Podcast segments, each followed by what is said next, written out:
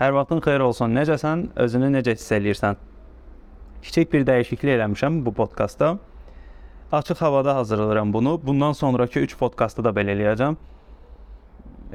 Düşündüm biraz fərqlilik olsun. Bir də mən podkastlarımda heç vaxt montajdan istifadə eləmirəm. Bunda bir səbəbim var. Mən düşünürəm ki, bax, biz dostumuzla, tanışımızla oturub görüşürük də, söhbət eləyirik. O danışanda o prosesləri nə qədər də gizlətsən, amma yenə də bir səmimi görüntü var da, bir reallıq var, bir göstərirsən də özünü ki, sən beləsən. Podkastı da o ab-havada eləməyə çalışıram. Sanki oturmuşam, səninlə söhbət eləyirəm. Biz müzakirə eləyirik. Müzakirə əsnasında fikirlərimizi bölüşürük. Bax belə bir səmimi bir podkast olsun. Buna mən çox önəm verməm, verirəm. Bilmirəm nə dərəcədə uğurlu alınır yoxsa yox, amma düşünürəm ki, belə davam eləyəndə həm mənim üçün yaxşı olur, həm sənin üçün ki, düzdür burada dialoq yox, monoloqdur, amma danışa-danışa sanki elə bir sənlə danışırmışam kimi bir e, obraz yaradıram beynimdə və çox mənim çox xoşuma gəlir. Belə yaltaqlıqdan danışıram bu podkastda.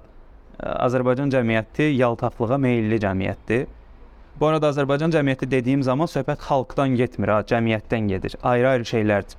Cəmiyyətlər xalqın kiçik-kiçik qruplarıdır cəmiyyətlər toplanıb ümumi xalqı formalaşdırır. Yəni e, deyək ki, mən 100 min insan üzərində eksperiment eləmişəmsə, 100 min insanlıq bir 100 e, min insan olduğu bir cəmiyyəti analiz eləmişəm. Bu cəmiyyət xalqın bir hissəsidir, amma tam olaraq xalq demək deyil. Yəni bunu mütləq şəkildə müəyyənləşdirmək lazımdır. Cəmiyyətlər toplanıb xalq anlayışını yaradır. Məsələ budur. Yaltaqlığa meyllidir. Nədir yaltaqlıq? Yəqin ətrafında var elə insanlar, hə? Yaltaqlanır. Qrafdan baxırsan ki, bu necə bacarır? Bir e, işdə uğurlu olur. Uğurlu olmur, e, irəli getdiyini, uğurlu olduğunu düşünür. Sən də yanıb tökülürsən ki, mən gecə-gündüz oxuyuram, bu qədər əziyyət çəkirəm. Adam durub nələr eləyir? Hə, qəribədir, hə? E, dəli olur ya adam ki, necə ola bilər? Bu qədər əziyyətin qarşılığında kimsə asanlıqla bu şeyi əldə edə bilər. Öncə bir yaltaqlıq məsələsinə toxunum. Nədir yaltaqlıq? Mənə görə yaltaqlıq davranış və xarakter formasıdır. İnsan əvvəlcə yaltaq davranmağı seçir, sonra xarakterinin tərkib hissəsi eləyir. Yaltaqlıq bacarıqların olmadan daha sonra heç bir fərdi nailiyyətlərin olmadan nəyinsə hansısa neqativ hesablarına e, neqativ e, məsələlərə görə istədiyin yerə getməkdir. Elə bil belədir də, biri var dağın başına qalxacaqsan, e, biri var səni apar bura vertolyotla qoyurlar, biri var gəzə-gəzə qalxırsan. Düzdür, deyə bilərsən ki, asan yol varkən niyə çətin yoldan istifadə edim? Amma yaltaqlıqda belə bir şey var da, seçimlər bərabərdir. 10 nəfər adam var. 9 nəfər öz gücünü eləyir, 10-cu amma başqa-başqa yollar axtarır. Bax həmin o yol axtarma onu bir yerdən sonra yaltaqlığa çevirir. Fərdi xarakterləri olmayan insanlar, fərdi şəxsiyyətləri, fərdi prinsipləri olmayan insanlar yaltağa çevrilməyə başlayırlar. Mənim üçün yaltaq insanın 3 əsas özəlliyi də məhz budur. 1. İnsanın prinsipləri olmalıdır. Prinsip dediyim şey nədir? İnsan düşünür, analizlər eləyir, bir beynində obrazlar yaradır ki, onunla dostluq eləyə biləcək obraz tipi budur, sevgili olacaq, həyat yoldaşı olacaq obraz tipi budur, iş yoldaşı budur və s. Və özünə bir prinsiplər müəyyənləşdirir. Yəni insanın xarakterinin sərhədləridir mənim dediyim prinsip. Yəni prinsiplər bizim sərhədlərimizdir. Bura qədər zarafat eləyə bilərsən. Bura qədər mübahisə eləyə bilərsən. Filan yerə qədər gələ bilərsən, oradan o tərəfə amma olmaz. Bax prinsip dediyim şey bunlardır. Bir də e, bu sözlər var. İnsanın xarakteri dəyişmir. İnsan 7-sində nədirsə 70-də də odur. Mən bu fikirlərlə razı deyiləm. Ona görə ki, xarakter insanın psixoloji strukturudur. Xarakter insanın psixoloji strukturudur. Genetik özəlliklərimiz var. Bunun bizim davranışlarımıza təsiri var. Amma əlavə olaraq da sosial psixoloji mühit, yəni doğulduğum ailə, aldığım təhsil, ətrafda baş verən proseslər mənim xarakterimin formalaşmasına da təsir göstərir. Dolayısıyla xarakter dəyişə bilən bir prosesdir.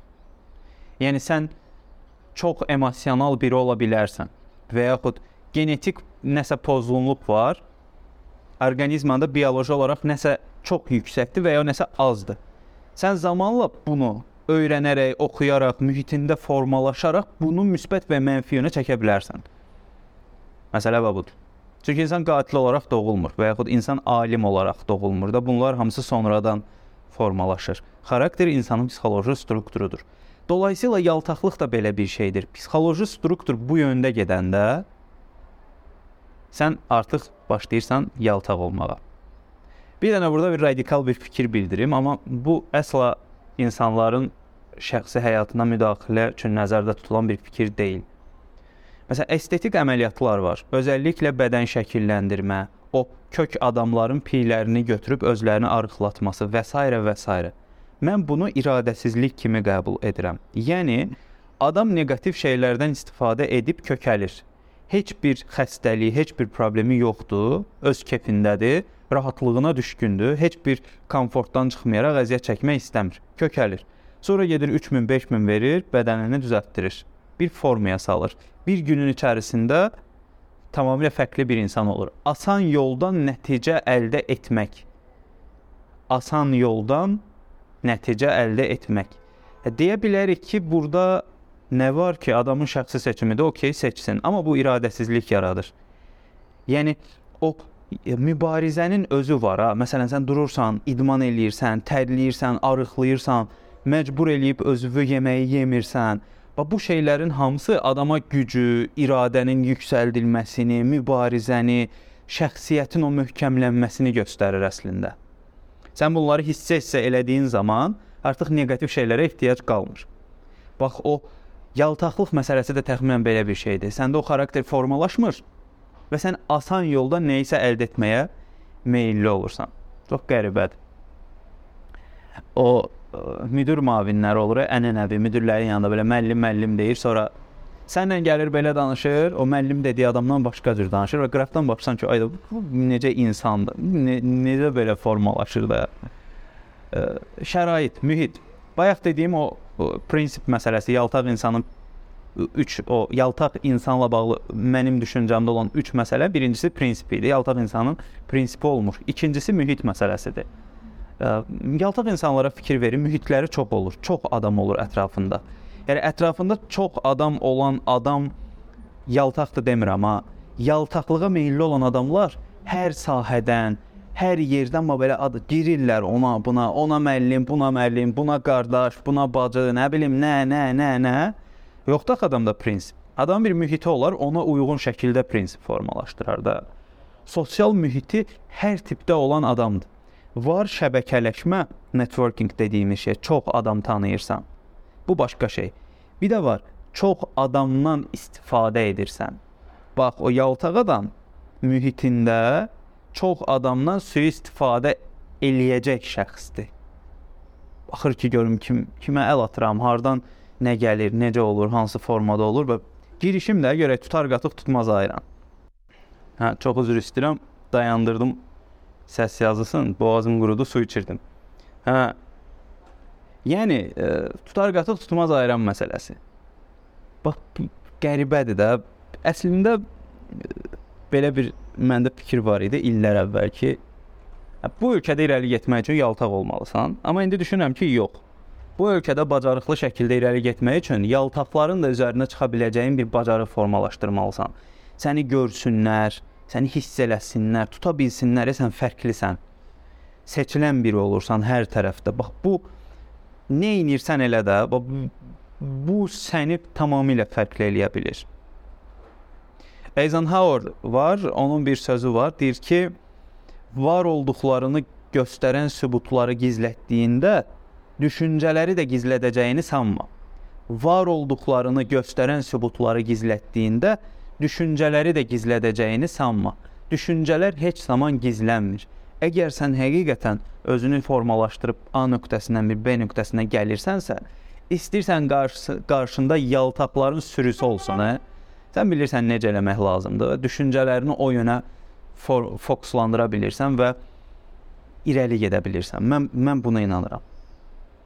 Sonra sonuncusu o yaltaq adamda prinsip olmur. Yaltaq adamlar həmişə sui-istifadələr eləyirlər. və yaltaq adamlar, yəni mühiti böyük olur və yaltaq adamların bilirsiniz bir də nə olur? Şəxsiyyəti olmur. Prinsip olmayan insanların şəxsiyyəti heç zaman formalaşmır. Yəni söhbət burada nədən gedir? Şəxsiyyətsizlik dediyim şey biz Homo sapiens kimi doğuluruq. Doğulduğumuz mühit bizə bir şəxsiyyət obrazını yükləyir. Yaltaq insanlarda şəxsiyyət pozğunluğu olur sözün əsl mənasında. Onlar kimdilər, nəçidilər, nə olaraq yaşayırlar? Bu bilinmir. Biraz ondan soruş. Biraz onun düşüncələrini analiz elə. Özünü nə qədər belə formaya da salsa, görəcəksən ki, adamın şəxsiyyəti yoxdur. İstədiyin zaman başqa bir adamı sata bilər. Mənfəətinə görə 5-10 manata görə digərini satar. Dost dediyi adamın quyusunu qazar və s. o qədər şeylər eləyə bilərlər. Və yaltaq insanlar həqiqətən çox çox təhlükə yarada bilərlər bizə. Əgər onları analiz eləyə bilmiriksə, əgər onların necə davrandıqlarını görə bilmiriksə. Uzun sözün qısası, yaltaq insanlardan uzaqlaşmaq əvəzinə idarə etməyi üstün tuturam. Çünki çalışacağın şirkətdə, gördüyün məhəllədə, yaşadığın o müxtəlif situasiyalarda bu adamları görürsən. Yaltaqlardan uzaq durmaqla yaltaqları idarə etməyə arasında incə bir fərq var. Sən idarə etməyə başlayanda yaltaq adamın sənə vura biləcək zərərlərini də idarə eləyirsən.